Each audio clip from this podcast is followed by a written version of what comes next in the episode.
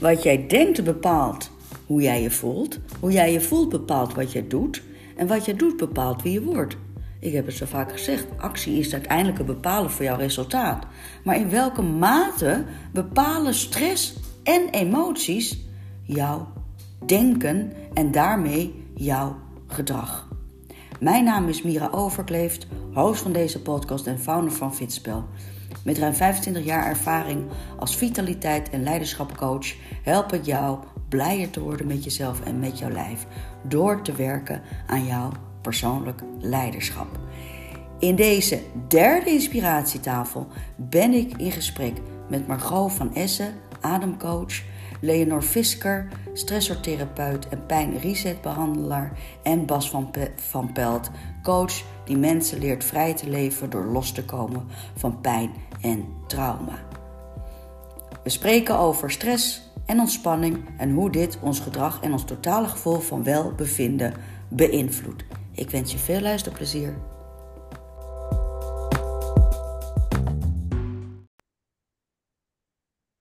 Dag lieve luisteraar, wat fijn dat ik weer in jouw oren zit en je gaat luisteren naar de derde inspiratietafel.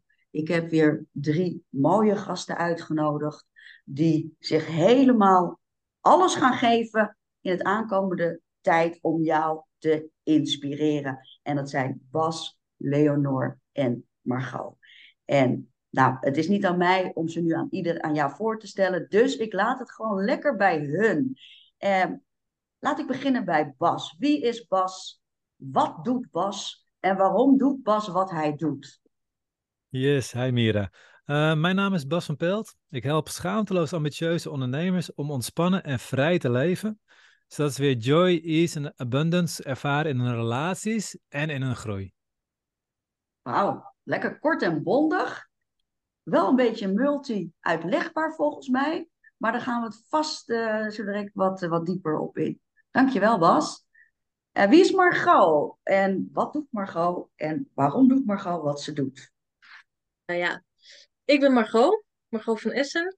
En ik ben ademtherapeut met een achtergrond in uh, yoga-filosofie en de, de principes daarachter. Um, en ik help eigenlijk mensen die altijd aanstaan en daar nu fysieke klachten van ondervinden, zoals nek- en schouderpijn, uh, verhoogde hartslag of niet goed werkende spijsvertering.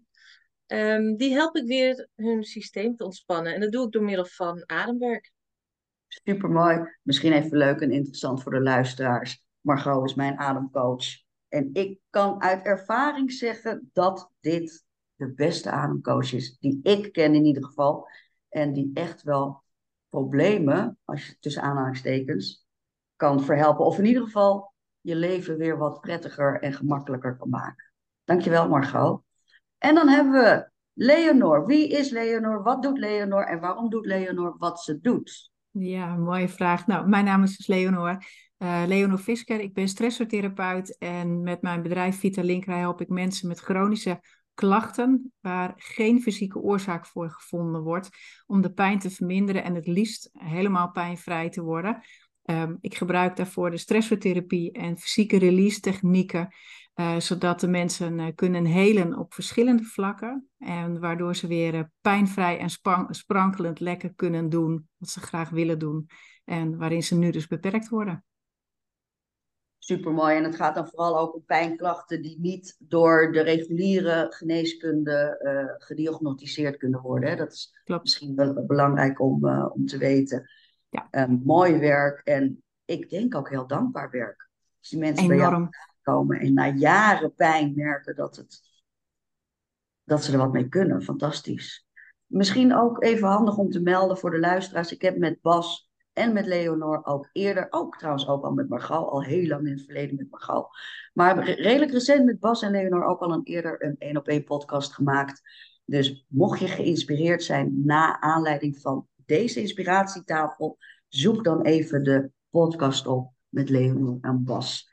Uh, en zeker als je je wilt verdiepen in dit onderwerp, dan uh, wordt er meer duidelijk van hoe hun werkwijze is. Um, en ja, of je bij hun op het juiste adres uh, bent. Dankjewel, lieve mensen. We gaan het vandaag hebben over emoties, stress en gedrag.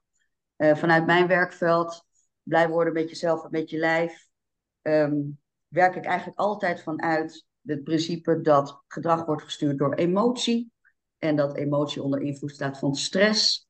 En dat je dus beter kan kijken naar emotieregulatie dan dat je weer een nieuw dieet zou gaan volgen, bijvoorbeeld. Um, en we gaan daar eens over spreken met deze gasten. Um, hoe zij daarmee omgaan in hun werkveld met hun eigen uh, expertise. Ik weet dat uh, uh, Bas heeft een fantastisch boek geschreven, die ik als cadeautje heb ontvangen. Bas, hoe heet jouw boek ook alweer? Vrij leven, los van stress en oude patronen. Ja, en waar kunnen mensen dat vinden? Via mijn eigen website. Um, ik zal een linkje eventjes eigen, eigen doorgeven straks. En ook via bol.com een eigen boekwinkel. Ja, nog één keer de titel? Vrij leven, los van stress en oude patronen. Vrij leven, los van stress en oude patronen. Um, toen ik dat boekje las uh, van Bas, het is echt een boekje, heel makkelijk en lekker geschreven. Uh, ik heb dat in één avond uit. Nou, als ik overdreef, misschien twee avonden had ik het uit. Um, nou, lees ik ook wel een soort van scannend. Dus ik denk dat een normaal mens er misschien drie of vier dagen over zou doen. Um, en daar legt Bas eigenlijk super mooi uit hoe, ja, hoe gedrag en hoe emoties en hoe trauma's vooral ook um, eigenlijk ontwikkeld worden in je leven, in je, in je opvoeding, in, door omgevingsfactoren. Als we kijken naar, uh, als, als jij eens wil beginnen, Bas, um, op welke manier wordt uh, heeft stress invloed op relaties? Oh jee. een, een, een makkelijke vraag met een gigantisch uitgebreid antwoord. Ik ga proberen zo kort mogelijk te houden. Um, simpel gezegd, 95% van de tijd reageer je vanuit automatische patronen.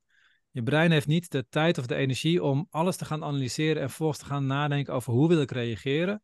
Dus hij denkt de situatie te herkennen en vervolgens reageer je eigenlijk uit een oude ervaring nou, de situatie die je denkt te herkennen uit hetzelfde patroon van toen. En hoe meer stress je ervaart, hoe meer je vastzit in, in die oude patronen ook. Um, als je echt stress ervaart, dan is het niet 95% van de tijd, maar gewoon 100% van de tijd. Daarbij is ook dat hoe relaxter je voelt, hoe meer je geneigd bent in de positieve patronen te reageren. En hoe meer gestrest je voelt, je ben je geneigd bent in negatieve patronen te reageren. Um, dus dat, dat, dat, dat is alleen al. Het zorgt ervoor dat je niet meer de situatie interpreteert zoals die echt is, maar zoals jij vroeger het leven ervaren hebt. En dan kan gewoon een één simpel woordje moeten, kan, kan van, van ook, je, je, moet nog even de vuilnis buiten zetten, kan ineens een compleet andere ervaring triggeren, waardoor je vanuit die oude ervaring gaat triggeren. Je valt compleet uit tegen je partner, maar het heeft niks met die situatie te maken. Ja, het is wel mooi wat je zegt, moeten. Want ik ken dat. Ik heb toevallig, toevallig ik heb uh, eergisteren een coachsessie gegeven aan een groep. En um, dan daar kwam ook naar voren dat ze zoveel moeten van zichzelf. Ook gewoon in het dagelijkse leven qua werk en, en het huishouden en relaties op peil houden. En moeten, moeten, moeten. En eigenlijk is de kunst om je dan juist in zo'n stresssituatie, denk ik, af te vragen: wat kan ik?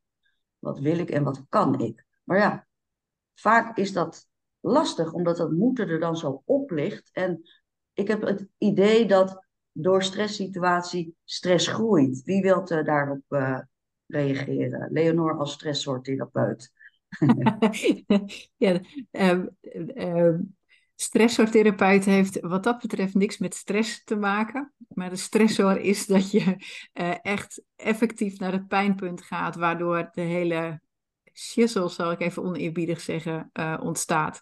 Maar uh, natuurlijk heeft, heeft stress daar uh, heel veel invloed op. Um, en wat dat betreft ga ik zeker mee wat Bas net zei. Want um, op het moment dat je stress hebt, dan zijn er ook bepaalde gedachten die opkomen. Die gedachten geven weer bepaalde emoties. En die emoties is waar je vanuit reageert. Um, en dan heb je een gedragspatroon. En dat kan zeker vanuit oude overtuigingen ook zijn. Um, wat Bas net ook zei, van die 95% gebeurt onbewust. Geen idee, maar we zijn ons maar 5%, 5 bewust van alles wat we doen, zeggen, denken. En de rest is gewoon onbewust. Dus voordat je het door hebt, heb je al gereageerd. En vaak is dat vanuit emoties. Ehm, een emotie duurt nou, gemiddeld uh, eh, 60 tot 90 seconden. Op het moment dat die dus langer duurt, dan kun je wel de conclusie trekken dat er nog iets onder zit wat nog niet verwerkt is en wat gewoon verdrongen is. Ja. Dus, eh, dus daarin, ja, wat is dan stress? Is dat dan de hoeveelheid prikkels die dan weer gedachten uh, veroorzaken, die dan weer emoties veroorzaken, die dan weer gedrag veroorzaken? Dus dat is zo'n zo'n loopje, want gedrag kan ook weer zorgen voor stress, wat weer zorgt voor. Ja. Dus dan heb je echt zo'n cirkeltje waar je, waar je doorheen mag gaan breken. Het is, uh, het is wel uh, grappig dat je dit zegt. Ik ben nu een boek aan het lezen met de titel Je bent wat je doet. Niet je bent wat je denkt, hè, wat we wel algemeen kennen, maar je bent wat je doet. Waarbij uh, is een uh, psycholoog, eventjes de naam kwijt, ik, zal het, nou, ik ben even de naam kwijt, maar je bent wat je doet. En zij maakt heel duidelijk, een neuropsycholoog is het, die, die, ze zegt heel duidelijk, je, we kunnen er niet meer omheen dat ons denken en ons lichaam, hè, dus, dus die scheiding die we altijd sinds Descartes hebben veroorzaakt, dat dat eigenlijk niet meer, dat dat gewoon niet is. Hè? En wat zij dus zegt, dat zeg je ook, hè, doordat je juist ook in de iets gaat doen, ontstaat er automatische fysiologische verandering, waardoor er al een ander soort resultaat uitkomt dan per se bij dat probleem stil blijven staan. Um, en volgens mij, als we het hebben over fysiologische verandering, dan kan ik eventjes misschien naar Margot uh, gaan. Wat, wat, wat, wat doen we fysiologisch als we bijvoorbeeld gestrest zijn en we zouden naar de ontspanning moeten. Uh, hoe, hoe, hoe, hoe werkt dat? Via ademhaling dan, hè? Ja, als ik dan naar de adem kijk, inderdaad, is het heel vaak als je stress ervaart of als je ergens van schrikt, je zet je adem vast. Dus je, of je gaat heel hoog ademen, omdat je een bepaalde energie uh, en zuurstof wil binnenkrijgen, fysiologisch. Um, en dat maakt het eigenlijk alleen nog maar erger, want je gaat in een soort van uh, ja, vluchtreactie in het lichaam. Wordt ook wat paras of het sympathische deel van je zenuwstelsel genoemd. Dus echt dat deel dat aanzet op de vluchten. En dat zorgt ervoor dat inderdaad uh, je hartslag verhoogt. En spieren aangespannen worden. Dat er geen um, zuurstof eigenlijk naar je spijsvertering gaat. Dus dat wordt on hold gezet. En je hele lichaam is in stress. Ja. Dus dat en wat doen we eraan? um, ja, in ieder geval bewust worden. En ik denk dat mensen zich er pas bewust van worden dat het gebeurt als ze fysieke klachten gaan krijgen. Want tot die tijd denken ze vaak, ja, het gaat wel. Maar op het moment dat ze merken dat ze elke week of elke maand wel uh, snipverkouden zijn, of uh, toch wel heel vaak hoofdpijn hebben, of uh, eczeem ontwikkelen, of nou ja, buikpijn, nou ja, noem maar op. Dat zijn dan redenen om ergens naartoe te gaan. Ja. Ja, eerst fysieke klachten gaan ze ontwikkelen. Ze gaan er last van krijgen van hun eigen gedrag. Ja. En dan pas komt het werk. Dus eerst de bewustwording is wat je zegt. En dan, Bas, wat wil jij hierop aanhaken? Nou, ik vind het wel mooi om in te haken op die fysieke klachten. Want dat is eigenlijk het gave. Um, je lichaam die ontwikkelt niet eens klachten, maar je lichaam laat gewoon zien waar het uit balans is. En dat is eigenlijk het, grootste gave ervan. Alleen, zolang jij nog vanuit je hoofd leeft en nog denkt van, ik, ik moet gewoon doorgaan of ik moet dit nog, of nou kom je weer op moeten terecht, dan heb je het gevoel dat je lichaam jou tegen kan werken. Of dat je lichaam niet goed genoeg is. Maar op het moment dat je juist wat, wat verder in je eigen ontwikkeling bent en, en meer in, in die connectie komt, en dan ga je beseffen dat je lichaam alleen maar aangeeft wat er mis is. En dat vind ik jou heel mooi van bijvoorbeeld hoe het bindweefsel werkt in de osteopathie, hoe, hoe de acupunctuur, Chinese geneeskunde naar de meridianen kijkt. Je ziet gewoon op elk deel van je lichaam staat voor een bepaald emotioneel patroon. En dat kan je gewoon direct weer, weer terugvinden. En dan kan je ook gewoon direct mee werken ook. Ja, super mooi. Uh, misschien even ter informatie aanvulling. Bas is een uh, Chinees, Chinees geneeskundig therapeut. Zeg ik dat goed, Bas? Ja, de meeste mensen zeggen gewoon acupuncturist, maar wat jij oh, zegt klopt, klopt, klopt het beter eigenlijk. acupuncturist, ja. Uh, En dat is mooi. We- eh, Leonor, hoe werk jij daar op, op dat gebied? Eh, Want als we het hebben over de pijnklachten en emoties die daaraan gekoppeld zijn, Ja. wat, wat zie jij terug in de praktijk? Ehm, er zijn eigenlijk een aantal dezelfde emoties die mensen het meeste onder, onderdrukken, het meeste verdringen. Eh, en dat is ook wat wij van kleins af eigenlijk gewoon leren. We leren niet om goed met onze emoties om te gaan. We leren niet om dat te reguleren. Eh, we leren het heel goed te verdringen. Kom op, eh, tranen drogen en door. Jongens mogen niet huilen. Kom op, je bent stoer toch? Huppakee. Kom op meid, staan en door. Dat, welke emotie die, die kleine kinderen ook voelen, ze leren het gelijk te onderdrukken. En door die emoties te onderdrukken en eh, ook gebeurtenissen niet te verwerken, ontregelt ons limbische systeem. En dat kan zorgen voor meer spierspanning. Nou, wat Margot net ook zei, van op het moment dat die spierspanning verhoogt, is er ook minder zuurstof en ontstaat er pijn. En dan zie je inderdaad vaak bepaalde eh, eh, plekken dat je wel kan herleiden tot bepaalde emoties. Bijvoorbeeld de woede in de buik of het verdriet en de rouw in de, in de, bij de longen op de borst. Eh, het, het, een hele grote verantwoordelijkheid willen dragen of dragen met nek-schouderklachten. Ja. Eh, dus zo zijn er, zo is het heel snel en vaak terug te herleiden. Eh, en op het moment dat je dus ingaat op die emoties en dat limbische systeem weer in, in balans komt, dan zie je dus dat die pijnklachten gaan afnemen. Ja, ja, dus het mooi. heeft echt wel een directe link met elkaar. Ja. Bas, jij wou nog hier op wat inhaken? Ja, dat, dat vind ik het mooie van de acupunctuur. Die is nog specifieker daarmee met de meridianen. Je hebt toch gewoon echt letterlijk punten die voor bepaalde emotionele patronen staan. Dus je bijvoorbeeld een punt op de duimmuis, dat staat voor alle verdriet wat je vastgezet hebt. Een punt tussen je wijsvinger en je duim in, wat staat voor je controlebehoefte. Je kan een punt eh, aan de binnenzijde van de elleboog eh, pakken, wat staat voor, voor alle, alles niet mogen ervaren in jezelf. En, en voor elk emotioneel patroon is er een specifiek punt wat je gewoon heel makkelijk kan testen, wat je ook meteen kan behandelen om, om dat patroon makkelijk in beweging te krijgen ook. Speel je daar wel eens mee, Bas? Ik, ik moet opeens denken, gisteren had ik, ik geef eh meridiaan massage. Mhm. En eh gisteren was ik eh, bezig met iemand met de armen. Daar loopt dan de, de, de, de darmmeridiaan doorheen. En ik vroeg aan die persoon, goh, heb je last van obstipatie? En toen zei die persoon, nou, die was echt helemaal verbouwereerd. Nou, hoe kan je dat nou weten? Dat, dat, wat is dat voor of vraag? Ik zei, nou, gewoon nieuwsgierig. Gewoon, kwam, kwam zomaar in mijn gedachten. En het was dus inderdaad echt zo. Speel je daar wel eens mee, Bas? Het, het is eigenlijk meer het probleem dat ik er niet meer niet mee kan spelen. Je Ja, bent zo ja. gewend ermee bezig. Zelfs als mijn vrouw knuffel geef, dan, dan, dan voel ik automatisch welke meridianen waar zitten en, en welke punten wat strakker zitten. Ja, En dan kan ik, ga ik met, begin ik al meteen dingen te benoemen.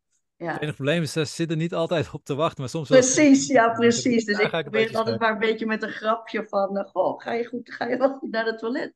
Nee, hoe weet je dat? Superleuk is dat altijd. En dat is wel altijd, ja, ze hebben dan ook meteen zoiets van, oh shit. Het, er zit dus echt wel bepaalde energieën die ergens voor staan. Ja. Ehm, eh, Margot, hoe, hoe werk jij daarmee? Ja, ik werk. ehm nou, de adem is natuurlijk niet alleen maar zuurstof, maar is ook energie. Dus op het moment dat je op bepaalde manieren gaat ademen, ga je al op al die energiebanen werken. Ehm, en zeker in die verbonden ademsessies die wij dan hebben gedaan, daar ga je op zo'n manier ademen dat je eigenlijk die, ehm, die overtuiging, of dat gedeelte van de hersenen die voor je overtuigingen en aannames en dergelijke zorgt, eh, dat legt even, wordt even stilgelegd. Dus dan komt er naar boven wat er werkelijk is. En dan komen die emoties naar boven. En bij de een is het angst, bij de ander is het ehm, het perfectionisme of het verdriet of gebrek aan liefde. Nou ja, liefde, dat is heel erg op het hartgebied. Dus op het moment dat je op die manier gaat ademen in die verbonden ademsessie, ga je heel erg met dat hart bezig. Ja, Ja. en dan merken mensen vaak daarna dat er meer ruimte is ontstaan. Ja, En zo wil ik eigenlijk ook altijd kijken. Ik wil niet kijken naar een probleem, maar meer van hoe gaan we meer ruimte maken in je, in je systeem, ja. zodat het weer functioneert zoals het zou horen te functioneren. Ja, ik weet nog wel de eerste keer dat ik bij eh, Margot kwam, bij jou kwam. dat ik echt zoiets van had van ja, maar die Mar Margot die vroeg, vraagt dan wat voor een intentie zetten we voor deze sessie? En ik had dan echt zoiets van, ja, uh, moet je niet eerst even weten wat mijn probleem is of zo? Weet je? en dat is een totale andere benadering van, uh, van werken natuurlijk. En ja. super mooi. En dat is absoluut uh, hetgeen ik altijd ervaar. Gewoon echt letterlijk. Ik zeg altijd tegen jou lichtheid en ruimte. Echt ja. letterlijk of ik me, de zwaarte van mijn schouders is. ruimte in mijn borst, ruimte in. Ja, echt. Ja, het is heel moeilijk te beschrijven. Je ja. moet het echt ervaren. Daarom mensen, je moet het gewoon ervaren. Ja, uh, wat jij zegt, ja, je, oh sorry, ga je gang. Uh, ja, je, je bent gewoon met energiewerk bezig en bewustzijn. En bewustzijn is ook energie. Ja, dus bijna ja. een soort kwantumfysica waar we met z'n vieren mee bezig zijn. Ja, zeker. Dat denk ik ook wel, ja. Ja, natuurprincipes. Wat wil jij op aanhaken? Um, waarin ik denk ik anders werk, want um, uh, uh, met de meridianen en zo werk ik niet specifiek. Uh, maar waar ik heel sterk mee bezig ben met mensen is om ze uh, zelf bewust te laten worden van wat er speelt in ze. Dus ik, um, ik zie vaak wel welke kant het op gaat, maar ik zeg het niet.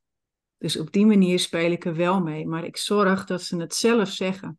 Want als ik het zeg, dan hebben ze nog niet die volledige erkenning, waardoor ze er nog niet uh, beter van worden. Want het gaat pas oplossen op het moment dat het uit, zich, uit zichzelf komt en dat ze zelf emoties bijvoorbeeld gaan erkennen, dat ze ze voelen en dat ze er zijn. Ja, ja. dat is absoluut uh, waar. Ik denk dat wij als coaches, nou Margot is iets anders aan het werk, denk ik, dan, dan wij drieën. En als coaches willen we altijd dat uh, de coachie of de cliënt, of hoe je het noemen wilt, zelf tot dat inzicht komt en dat ook uitspreekt. Zodat je zeker weet dat je niet woorden in de mond neemt. Zeker. En nu dan heb ik een mooi aanhaakje, want jij, uh, we, hebben, het over bewustwording en uh, dat dat de eerste stap is om te kijken hoe met je omgaat met die emoties. Ik vind het best wel een dingetje. Uh, hè, we weten, Bas gaf het al aan, 95% minimaal is ongeveer, ongeveer 95% is um, onbewust gedrag. Uh, we willen naar meer bewust gedrag. Uh, er is altijd, denk ik, een beetje een, een, een, een valkuil, denk ik, in wat mensen denken dat ze voelen en wat er werkelijk gaande is. Snap jullie wat ik zeg? Um, als ik het bijvoorbeeld, als ik met fitspel bezig ben met mensen afvallen en slank blijven door persoonlijk leiderschap. En ze zeggen van, nou, ik luister meer naar mijn lichaam en um, bijvoorbeeld dat, hoe heet het ook alweer, dat uh, body positivity en dat intuïtief eten, weet je wel. Dat zijn allemaal stromingen die echt aan, aangaan op luister naar je lichaam en, en vertrouw op je lichaam en eet naar de behoeften van je lichaam.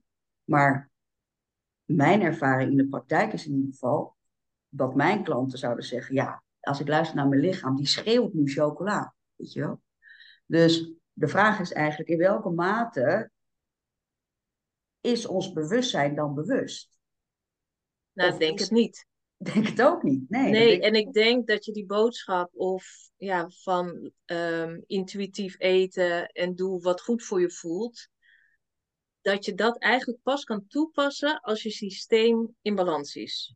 Juist. Want dan, dan vertelt je lichaam feilloos wat het nodig heeft. Maar als jij nog bedolven bent onder allerlei ideeën over hoe iets zou moeten zijn en uh, je gedrag en ervaringen, ja, dan neem je niet een zuivere beslissing van wat jij nodig hebt. Juist, ja. Dan is het meer van wat je wil. Ja, precies, dat denk ik ook. En dat is dan wat mensen zeggen, ja, maar dat voel ik. Ja. ja dus ze mogen, ja, dus ze mogen Als eerst... ik zou luisteren naar mijn lichamelijke behoeften, oh, oh, oh, dan zou ik rollend door het leven gaan. Ik zweer het ja. Maar, maar dat is een hele belangrijke, wat jij zegt, Margot. Het is eigenlijk pas het eindstation, als je al zoveel ja. uh, hebt uh, gewerkt aan jezelf en bewust bent van echt je innerlijke systemen, zeg maar. Uh, en ja. ik, mijn overtuiging is dus met Fitspel dat als je daar bent, dan heb je geen overgewicht meer. Omdat je dan zo bewust al uh, dat proces van naar jezelf toe groeien bent, hebt omarmd, dat er helemaal geen sprake meer is van overgewicht. Of tenminste, in ieder geval veel minder. Ja. Wou jij er nog wat over zeggen, Bas? Ja, maar, maar het meeste is in de tussentijd alweer gezegd. Ehm, het, het grappige vind ik vooral is dat, dat als je kijkt hoe we evolutionair gebouwd zijn, zijn we gemaakt voor, voor eh, een wereld waarin de schaarste is. Dus we zijn eigenlijk allemaal gemaakt om morbide obese te worden. Dus op het moment dat ik luister naar dat deel van mijn lichaam, dan gaat het sowieso de verkeerde kant op. Op het moment dat ik luister naar mijn hoofd, dan ga ik alleen maar in mijn behoeften zitten. Pas als ik die in balans krijg en echt naar mijn hart ga luisteren, dat is wat Margot ook zegt, dan pas ben ik in staat om mezelf echt ruimte te gunnen. Maar ja, dan moet je eerst al je trauma's uh, overboord gooien waarin je geleerd hebt van nee, je mag er niet zijn, nee, je mag niet opvallen, nee, je mag geen ruimte innemen, je mag niet te veel vragen, je mag ook niet, niet, niet te veel geven, je, moet juist geven, je mag weer niet ontvangen. En pas als je al die shit daar een beetje wat ruimte begint te krijgen, en dat kan door die oude shit aan te gaan of door gewoon, gewoon meteen in, in, in, in de nieuwe mooie wereld te, te stappen, ja, dan begin je inderdaad te luisteren naar een stukje in jezelf wat wel aangeeft wat je nodig hebt. Ja, en dat is wel, eh, ik, ik, ik zie je Leonor, ik, kom even, ik wil heel even op aanhaken op, op Bas. Want dat wat jij zegt, begrijpen wij drieën of wij vieren, maar begrijpt de luisteraar niet. Want wat bedoel je nou in Gods vredesnaam met luisteren naar je hart? Uh, daar heb je een heerlijke moeilijke vraag in. Want eigenlijk is het niet, niet duidelijk wanneer je luistert naar je hart. Simpel gezegd, uh, elke keer als ik luister naar een gevoel wat ik op een moment krijg, en ik kan gewoon s'avonds op de bank zitten, een beetje koud hebben en, en, en een beetje een drukke dag gehad hebben, en dan voel ik een behoefte aan chocola. Dat voel ik gewoon. En daarin, op het moment dat ik echt zeg tegen mezelf, ja, maar ik mag mezelf ook wat gunnen, dan is het juist goed als ik die chocola misschien wel pak. Zou zou kunnen denken. Het probleem daarvan is dat het, het precies hetzelfde voelt als, als wanneer mijn hart aangeeft, ik gun mezelf om lekker geen chocola te nemen. Het gevoel is, is bijna hetzelfde. Uh, het wordt niet helder. uit te leggen. Nee. nee. Wat ik bij, mezelf, bij, bij hoe ik te werk ga en ook bij mezelf heb ervaren. Kijk, op een gegeven moment had ik ook vanuit de, de, de stress die ik uh, meemaakte op dat moment, had ik mijn buik vastgezet. Dus mijn adem ging tot hier. Ik adem alleen maar hoog en dat activeert het hele hoofd. Je bent continu aan. Je zit maar mhm. te piekeren. Denk wat je gisteren fout had gedaan en wat je morgen nog moet doen. Zo mhm. zit je hem in je hoofd. Um, maar je ademt niet volledig door naar beneden. Dus het, het blijft een heel mentaal ding. Je voelt niet. En mhm. het hartgedeelte is eigenlijk datgene wat het gevoel verbindt met het denken. En op het moment dat je daar dus ruimte gaat maken in je systeem, en dat kan Bas op zijn manier doen, Leonor op haar manier, dan gaat het denken en het voelen bij elkaar komen. En dan ga je handelen vanuit een soort zuiver weten wat goed voor je is. En dat Leonor, is. Jij bent vrij in, in, in concretiseren van voorbeelden. Kom op, geef me er nog eentje. Ja, ja, ja, komt-ie, komt-ie. Ehm, eh, ik neem even eten als, uh, als voorbeeld. Um, uh, ook ik heb s'avonds wel eens dat ik denk, oh, ik heb zin in chips. Wat ik cognitief doe, is dat ik denk, dat is niet wat mijn lichaam nodig heeft. Pertinent niet. Dat heeft geen enkel lichaam nodig. Het is nergens goed voor. Ja. Het enige waar het goed voor is, is om een bepaalde, noem het maar, behoefte, onrust. Ik hou me op emotie te bevredigen. Ja. Dus um, uh, ik heb een heel mooi voorbeeld van een klant van mij. Um, die kwam op een gegeven moment in een sessie terug en ze zegt: Weet je, op het moment dat ik zin heb in zoet, chocola, snoep, whatever, zoet, ze zegt: Dan ben ik verdrietig. Op het moment dat ik zin heb in hartig, dan ben ik boos. Hm. Dus voor haar was het in één keer van: oh, wacht even. Dus als ik daar zin in heb, nee, wacht even. Welke emotie voel ik nu eigenlijk? Wat gebeurt er eigenlijk in me? En daar ging ze mee aan het werk, door puur te voelen. En niet, um, uh, ja, ik vind het niet vaag, maar gewoon uh, uh, met je aandacht naar je buik als je het moeilijk vindt om te voelen. Welke emotie voel ik nu? En op het moment dat je weet dat je verdrietig bent, oké, laat maar even te zijn. Is het dan niet zo dat je ook die emotie gaat rationaliseren op dat moment? ik, zeg, ik begrijp wat je zegt hoor, en ik pas dat ook toe. Ik altijd uitstel. Uh, de, de, de 60 seconden truc uh, is, is bijvoorbeeld een hele fijn om mee te werken. Om in andermans een andere emotie te, om te vormen in ieder geval. Maar um, is het, dat, dat vind ik altijd een beetje gevaarlijk. Of gevaarlijk klinkt een beetje zwaar. Maar zoals ik het zelf ervaar, ook omdat ik zo ben, ben super rationeel. Is het ook als, ik, als jij ik, ik noem het even bij mezelf, ik weet waar jullie het over hebben, maar ik, ik, ik, ik, ik, verplaats me even in de luisteraar. Als, als jij zegt, uh, wees bewust van je gevoel, dan heb ik de neiging om dat te willen rationaliseren. Is het dan nog steeds een gevoel of is het dan geen gevoel meer? Bas. Het mooie is, want, want, want ik snap precies waar Leonore heen wil. Ik vind het ook heel gaaf om te horen hoe ze dat aanpakt. Um, je moet je emotie serieus nemen, maar je moet niet serieus nemen. Dus je moet er bewust naartoe gaan, maar je moet weten dat alles wat je voelt alleen maar projecties zijn eh, van, van, van andere dingen. dus op het moment dat je ja. gewoon naar die stilte toe gaat, dat je met je ademhaling naar beneden gaat, dat je gaat verbindend ademhalen of dat je gewoon naar de stilte opzoekt.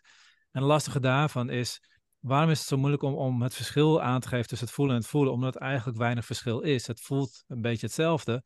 En pas als je echt de langere tijd vaker, of een langere periode vaker de stilte opgezocht hebt, dan ga je ontdekken dat wat je in eerste instantie voelt, helemaal niet is wat je echt voelt. Maar het gaat allemaal lagen onder zitten. Ja. En hoe vaker je dat oefent, hoe helderder je gaat merken wat het verschil is tussen die eerste laag en die tweede laag en die derde laag.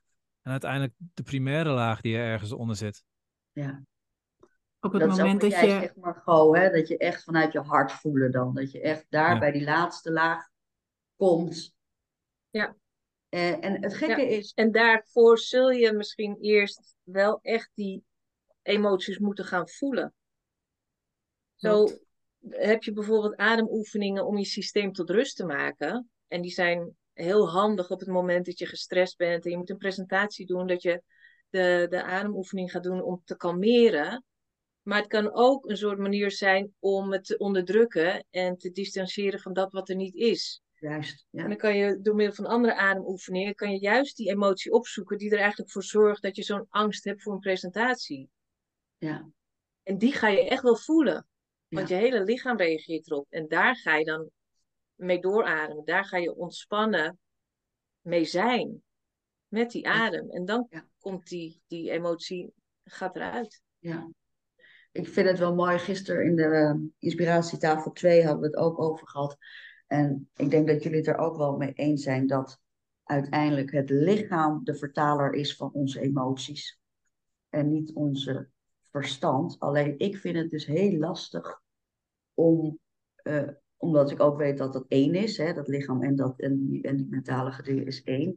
Dus het is heel lastig om dat zo heel erg te scheiden of zo. Begrijp je wat ik zeg? Het is heel lastig om daar een scheidingslijn in te maken. Omdat het volgens mij, zodra ik alleen denk aan iets blijs, aan iets leuks, dan gebeurt er al fysiologisch wat anders, waardoor ik al een andere emotie ga ervaren. Nou, als ik dat maar herhaal en herhaal en herhaal, dan kan het zomaar zijn dat ik heel erg slecht opstond, maar nu me heel erg leuk voel en blij voel.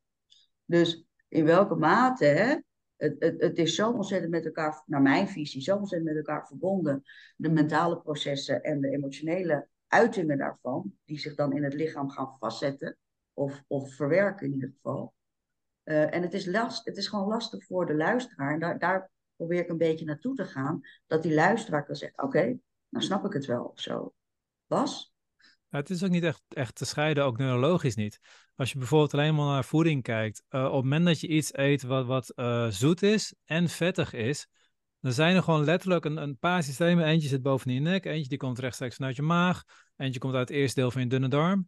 Die zijn direct gekoppeld aan je, aan je, brein ook weer. Die zorgen ervoor dat je op een bepaalde manier gaat gedragen. Die, die uh, zorgen ervoor dat je op zoek gaat naar meer van dat soort voedsel. Dat is een, een, een bewust systeem wat, wat gewoon in je zit. Die, die, dus in die zin zelfs je voeding bepaalt hoe jij denkt en hoe je je voelt. Zeker, dus ja, het valt zeker. totaal niet te scheiden. Ja. Anders dan, dan door steeds weer terug te gaan naar die stilte, steeds weer terug te gaan naar die ademhaling, steeds weer terug te gaan naar, naar je buik, naar je hart, waar je het wil voelen. Maar steeds weer, weer die, die stilte op te zoeken om te ontdekken van, hé, hey, waar komt dit nou vandaan en, en wat wil dit mij duidelijk maken? Ja, zeker. Ik, Mag ik eh, daarop ingaan? zeker, Leonor. Eh, Bas, je zijn, zegt nu voor de tweede keer naar de stilte gaan. Dat vind ik dus een hele lastige, want het is bij mij nooit stilte. Ik denk, hoezo stilte? Er is helemaal geen stilte. Er is Ja. altijd wat in beweging. In mijn hoofd, in mijn lijf is altijd wat. Ja. En op het moment dat het echt heel erg is, dan gaat het ook in het tempo waarin ik nu praat en net praten. Maar het is nooit stil. Dus hoezo de stilte opzoeken? Waar moet ik zoeken dan? Goeie opmerking, Bas. Eh, Leonor. mooie vraag inderdaad. Eh, stilte is, is een woord dat niet altijd stilte betekent. Het is net zoals meditatie. Meditatie kan puur zijn stilzitten en je hebt meditatievormen waarbij je hoofd echt helemaal leeg probeert te maken, waarin op een gegeven moment steeds minder gedachten ook omhoog komen. Ehm, wat ik mensen eh, geef die dat wat moeilijker vinden die kant op te gaan, is, is ga de natuur in. De natuur doet sowieso ook al iets met je ademhaling, met je hele systeem, met je zenuwstelsel. En ga op zoek naar schoonheid.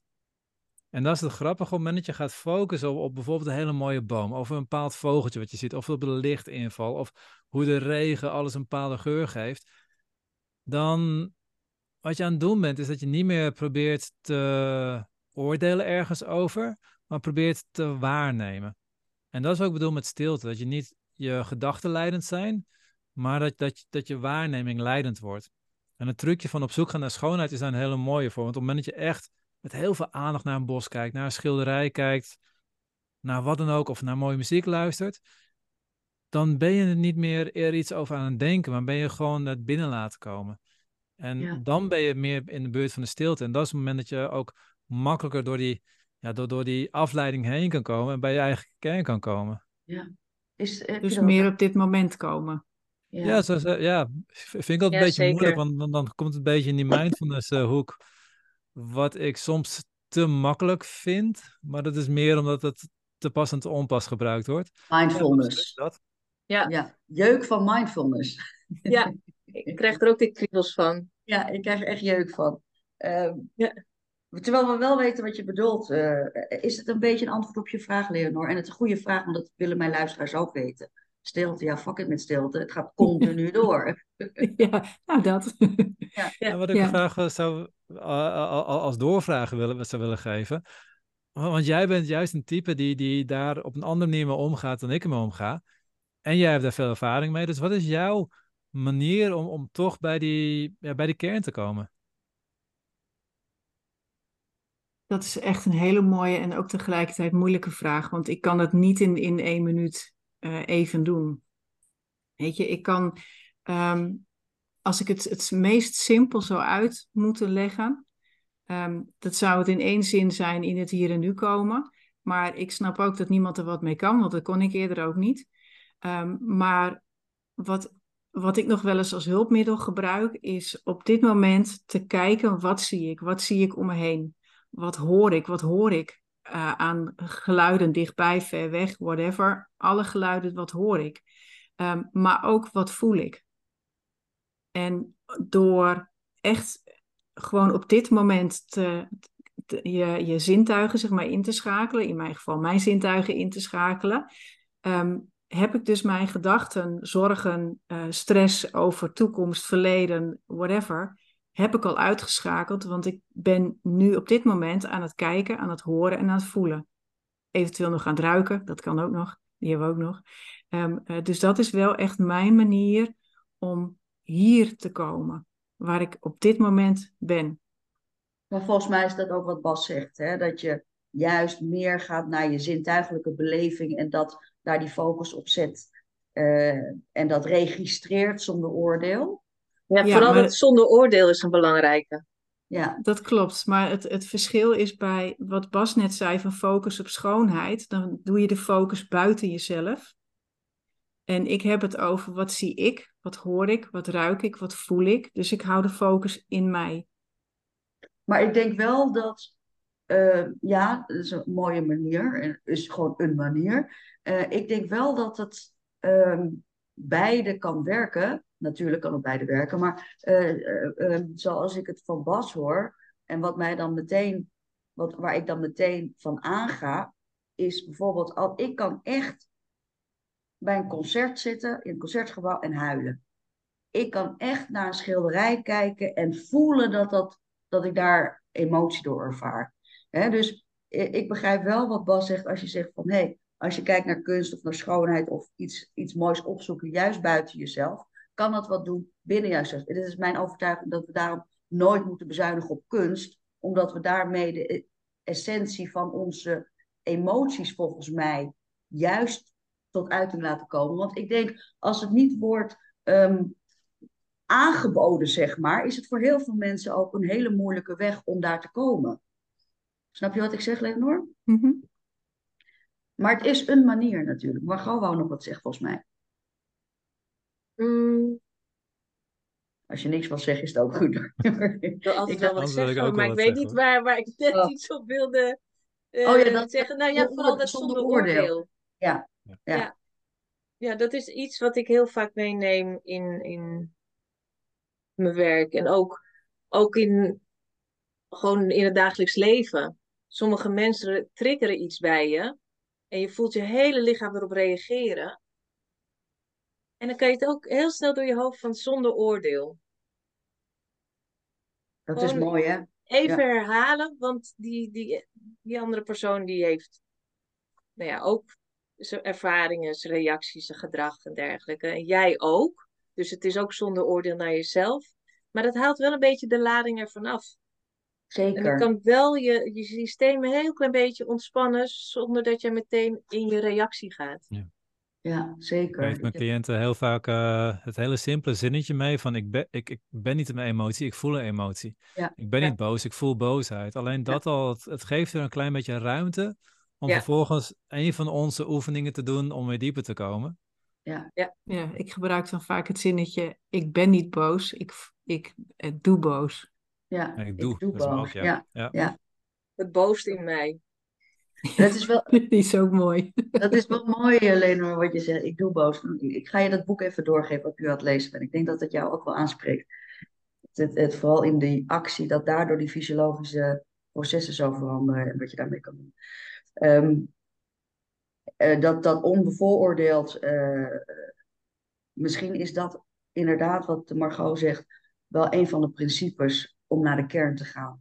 Uh, de oordeel over jezelf, maar ook over anderen, over situaties enzovoort. Of over de emotie zelfs ook. Hè? Hoe vaak zeg niet, zo mag ik me niet voelen, of dat hoort niet, of waarom ben ik nou boos, of waarom ben ik nou verdrietig, enzovoort. Um, bij mij, ik noem het altijd, je kan echt pas transformeren vanuit acceptatie. Starten met acceptatie om te, voor de transformatie, zeg ik altijd. En dat is ook altijd voor mensen heel dubbel, want ze zeggen, ja, als je jezelf accepteert, dan hoef je toch niet te veranderen. Nee, dan wil je veranderen, dus dat is iets heel anders natuurlijk. Dan wil je jezelf verbeteren. Um, als we ervan uit kunnen gaan dat emotie bepalend is voor gedrag, um, kunnen we dan, en hoe dan, daar een regulatiesysteem inbouwen? Wie wil wat zeggen? Oh, niemand? Ja, ik zit even te denken. Want ik denk, ja, om daar allemaal mee om te gaan eh, met het dagelijkse leven en de chaos die er kan zijn, is het belangrijk dat je je systeem tot rust brengt. Mhm. En dat doet Bas anders dan ik en Leonor anders dan Bas. Ehm, maar dat is wel een vereiste. Want vanuit een ontspannen lichaam wat in balans is, waarbij het denken en het voelen met elkaar in evenwicht zijn, ga je gewoon hele andere keuzes maken. En ga je ook andere verbindingen aan met mensen. Mhm, mhm. Ja, ik denk dat dat de essentie is van elke persoonlijke groeitraject die je doet. Ja. alleen het is meer een ontspanning. En dat zeg je in het begin eh, van dit gesprek, zei je het ook al. Het is ook echt dat, dat je in die andere staat komt. Dat je ook echt je oude shit loslaat. Want zelfs in ontspanning heb ik nog steeds automatische patronen. Dat gaat de hele dag door. Ehm, ik heb wat andere patronen ben ik geneigd uit te voeren dan als ik meer gespannen ben.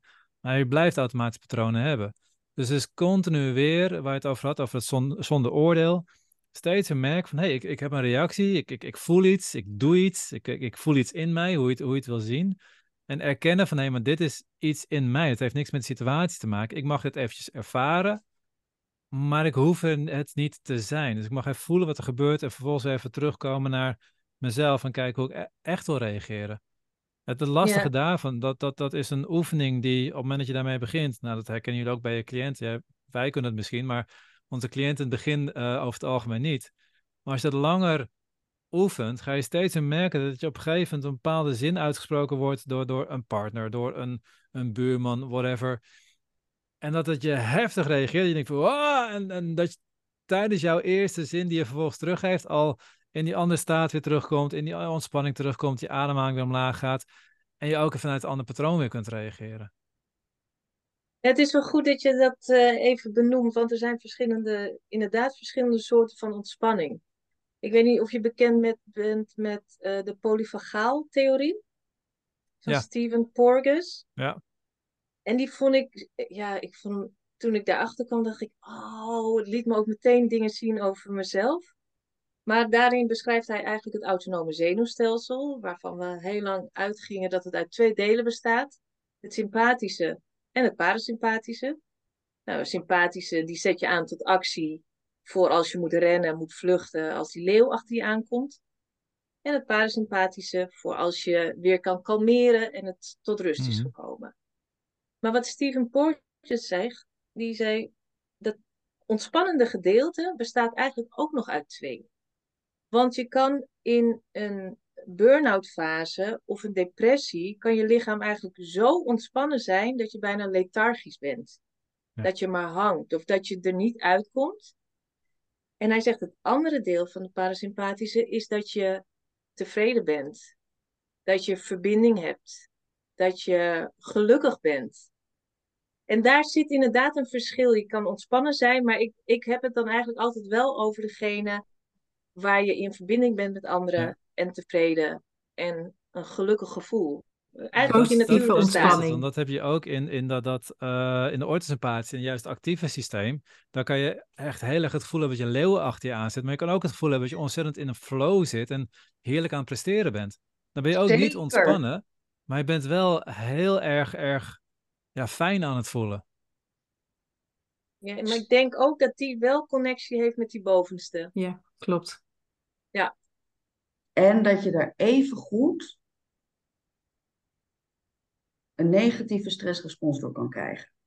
Hmm. Ik, ik vind het heerlijk om in flow te werken. Ik zoek het ook op.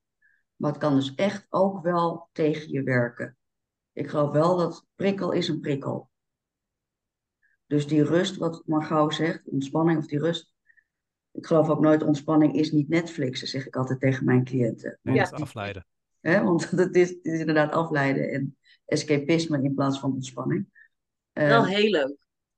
soms heel leuk, ja. Ja. Eh, maar dat, dat, daar, dat, dat is voor de luisteraar ook nog een verschil. Hè? De luisteraar die ziet toch ontspanning, lekker op de bank eh, hangen, dekentje over me heen en een beetje gaan eh, binge-watchen bijvoorbeeld. Hè? Dus daar is, zitten natuurlijk best heel grote verschillen in, in eh, hoe, hoe ontspanning dan ehm ten uiting komt. Maar goed, voor jou Margot is dus de stressregulatie stap 1 is die ontspanning zoeken, die stilte zoeken, die ontspanning zoeken. Want wat ik bij mezelf merkte ooit, was dat ik inderdaad ontspannen kon zijn. Eh, en bijvoorbeeld zo op die bank hangen en deken eromheen en Netflixen. Maar eigenlijk was dat om eh, niet in verbinding te zijn met wat er omheen gebeurde, omdat er gewoon zoveel, dat de Ja, precies. kinderen, de hectiek en alles. Ja. Dus het is een kopingsmechanisme om weg te zijn van waar je eigenlijk in zit. Ja, ja. En, En dat dus is niet ontspannen zijn. Ja, dat is geen klopt. ontspanning, inderdaad. Ja. Ja. Ja, en het voorkomt Ja. dus ook dat je als je gaat binge-watchen, eh, hè, met het voorbeeld wat je net, net gaf, Margot, dat je dus ook niet hoeft te voelen die vervelende gevoelens die je voelt ten opzichte van dat alles wat er om je heen zit. Want je kunt gewoon lekker bezig zijn met het Netflixen. Ja. En dan Ja. mis je ook de verbinding niet alleen met je omgeving, maar zeker ook de verbinding met jezelf. Waardoor je dus niet die echte ontspanning hebt die jij net zo mooi benoemde. ja. Bas, wil jij Ja, nog wat nee, op klopt. Ja, want dit is, eh, ik vind het wel heel mooi wat je benoemt, Leonor, want dit is eigenlijk wat het is. Ehm, we zijn continu aan niet, ah, we zijn continu aan het proberen om niet te voelen wat er echt zit. En dat doe je via zoetigheid, dat doe je via alcohol, via koffie, via drugs, via social media, Netflix. Netflix. Sporten, Dat eten, perfect als je alles. kiest hoor, want, want een goede serie kan ik ook waarderen. Maar het, het is inderdaad, het is geen echte ontspanning en het is alleen maar een, een, een vluchten van, van wat er echt zit. Zeker. Ik, ik, heb het mer ik merk het zelf, hoe drukker ik het heb, in mijn hoofd dan vooral hoor, maar, maar vaak ook wel praktisch. Maar hoe meer ik uh, Candy Crush speel. Ja, dat is zo eentje. Dat is er zo eentje, weet je wel. Dat Ja. weet ik echt. En, en dan zegt mijn man echt van, ja, ik kan toch beter even tv kijken? Waarom zit je dan zo stom te... Dan, dan, hè? Kijk even samen naar het nieuws. En ik zeg, nee, ik moet echt Candy Crush, ik moet echt Candy Crush spelen. Ik kan niet nog die prikkels, zeker na die verkiezing gisteren, ik kan er niet nog meer bij hebben. Ik moet nu gewoon... Maar dat is, dat is het echt het, het, het verschil, ja. En het Wat? grappige is, wat je dan zou kunnen doen, terwijl je die neiging hebt voor Candy Crush, is om, een- om eens gewoon te gaan zitten. En dan met die, die urge om die Candy Crush te dat doen. is no way dat dat mogelijk is op dat moment. Dan ga je lopen. Is no way op dat... Hè? Wat zeg je? Dan ga je lopen. Dan ga ik liever lopen, En dan inderdaad. vraag, vraag jezelf af tijdens het lopen van... hé, hey, wat gebeurt er nou? Waarom, waar wil ik nu van weg eh, terwijl dat ik die Candy Crush ga spelen? Waar loop ik van weg? Van welke emotie? Van welk gevoel? Ja, is het emotie? Dat is de vraag. Het Is is het deels wel? emotie, maar wat een ander stuk wat er ook speelt, is dat je naarmate je meer adrenaline aanmaakt, omdat je meer druk bezig bent, ga je eigenlijk st- sterkere behoefte krijgen aan dopamine. Dopamine is aan de ene kant motivatie, aan de andere kant ook je gelukshormoon. Eh, maar die, die heeft ook een bepaalde balans met adrenaline. Ja. Hoe meer dopamine je aanmaakt, hoe meer adrenaline je kunt hebben en hoe makkelijker je ook door kunt gaan. Dus Ja. wat je voelt is eigenlijk gewoon een heel sterke behoefte aan een snelle dopamine binnen te krijgen. Ja, met Candy Crush krijg je heel snel, ja, het is een lege Zeker. dopamine zou je het Ja. kunnen noemen. En je krijgt het, hem wel even binnen, waardoor je het makkelijker voelt. Dat is snap absoluut ik ook waar. dat het moeilijker is om stil te gaan zitten, wat, wat ik wel de beste oplossing vind. En ja, dat lukt dan vaak niet. En dan, ja, geweldig dat je, dat je gaat lopen dan juist. Eh, maar dat is absoluut waar. Ik ben echt, ik, ik bombardeer mezelf als dopamine junkie.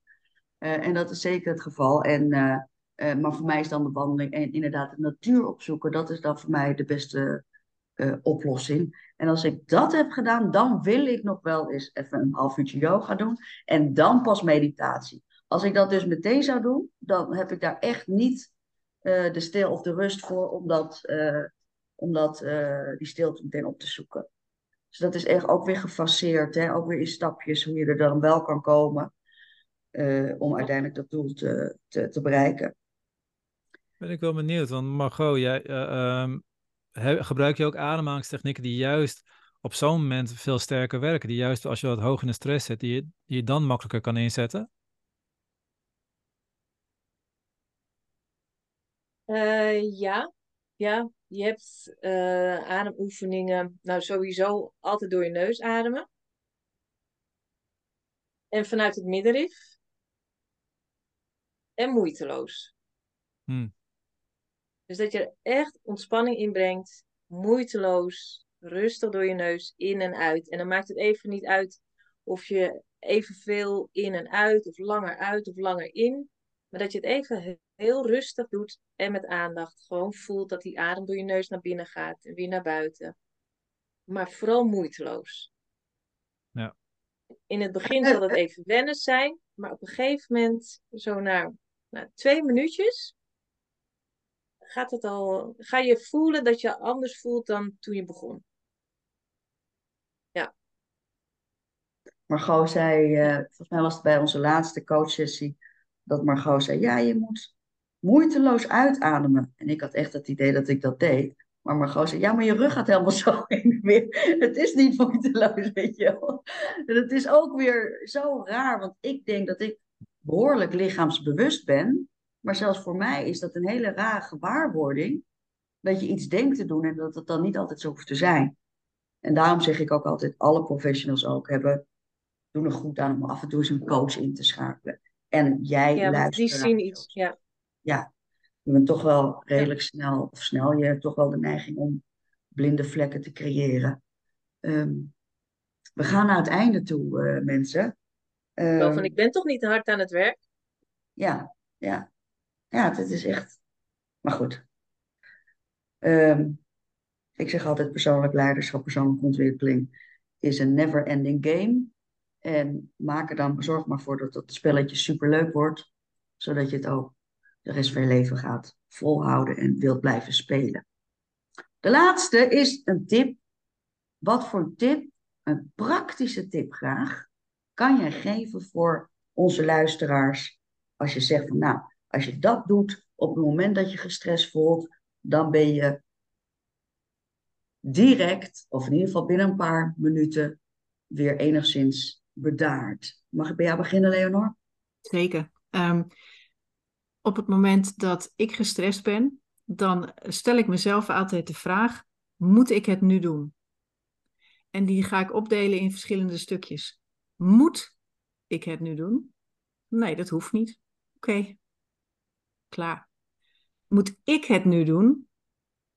Nee, dat hoeft ook niet. Iemand anders kan het ook doen. Dan kun je iemand anders vragen. Gaat bij mij de stress ook weer naar beneden. Moet ik het nu doen? Of moet ik wat anders doen? Wat heeft prioriteit? Moet ik het nu doen? Ook weer een stukje prioriteit. Moet het echt al een minuut? Of zit ik in die molen van nee, het moet en doordrammen en doorgaan en nee, nee, nee, dat hoeft niet nu. Oké, kan ik het loslaten? En moet ik het nu doen? Of kan ik gewoon kijken en het even laten? Ja.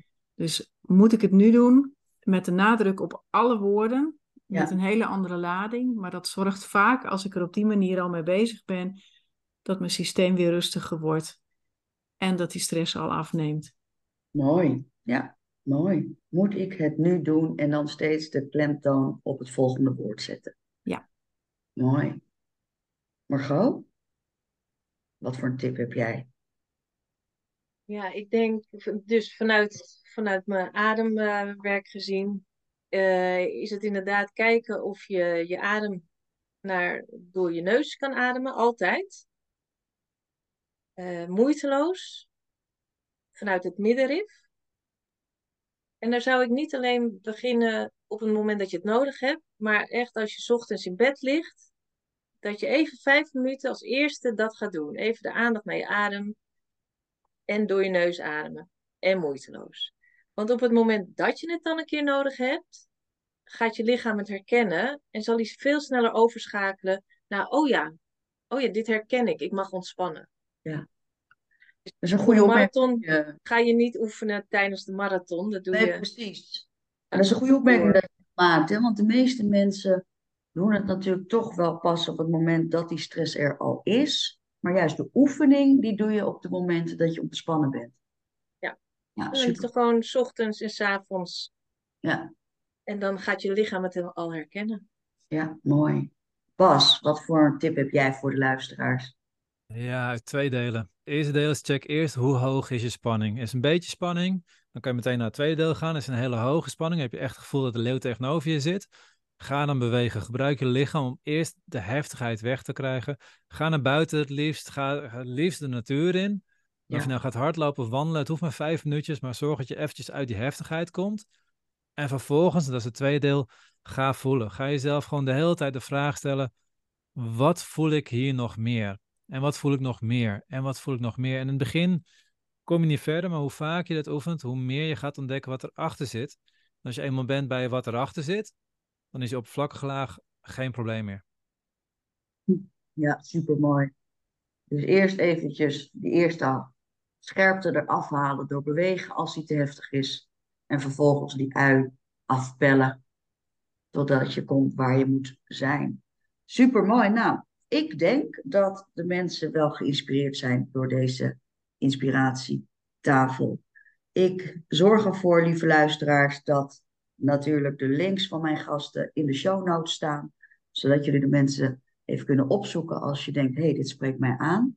Doe dat vooral. Mocht je vragen hebben aan mijn gasten, dan kan je ze gewoon stellen via de podcast.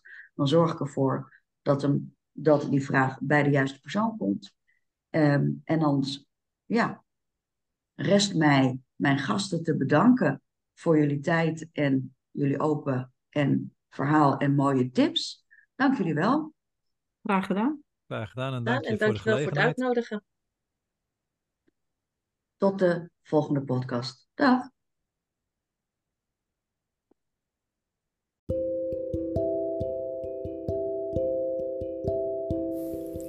Ik hoop dat deze inspiratietafel jou het inzicht heeft gekregen dat verandering door wilskracht of doorzettingsvermogen maar een bepaalde houdbaarheidsdatum heeft. Wil je echt diep veranderen van binnenuit naar buiten, dan moet je echt gaan werken aan jouw gedachten en jouw emoties. En doe dat gewoon eens even met een van de sprekers die je hebt gehoord. Je kan in de show notes meer vinden over mijn gasten. En heb je een vraag over uh, aan specifiek iemand, laat het mij weten. Dan zorg ik dat het bij de juiste persoon terechtkomt. Wil jij door persoonlijk leiderschap blijvend afvallen? Ga dan een kijkje nemen op www.fitspel.nl of download uh, onze gratis app voor dagelijkse tips, motivatie en inspiratie. En wil je nou echt afrekenen met je oude manier van afvallen? Plan dan een 30 minuten free coaching call in via fitspel.nl schuine free call. Vond je deze podcast waardevol? Dan hoop ik dat je ons wilt volgen door even op het belletje te klikken. Dan hoef je geen aflevering te missen. Ik hoop dat jij aan de slag gaat met zelfonderzoek, met jezelf verbeteren, met te kijken waar de mogelijkheden liggen, zodat je blijer wordt met jezelf en met jouw lijf. Dank voor het luisteren en tot de volgende podcast. Dag!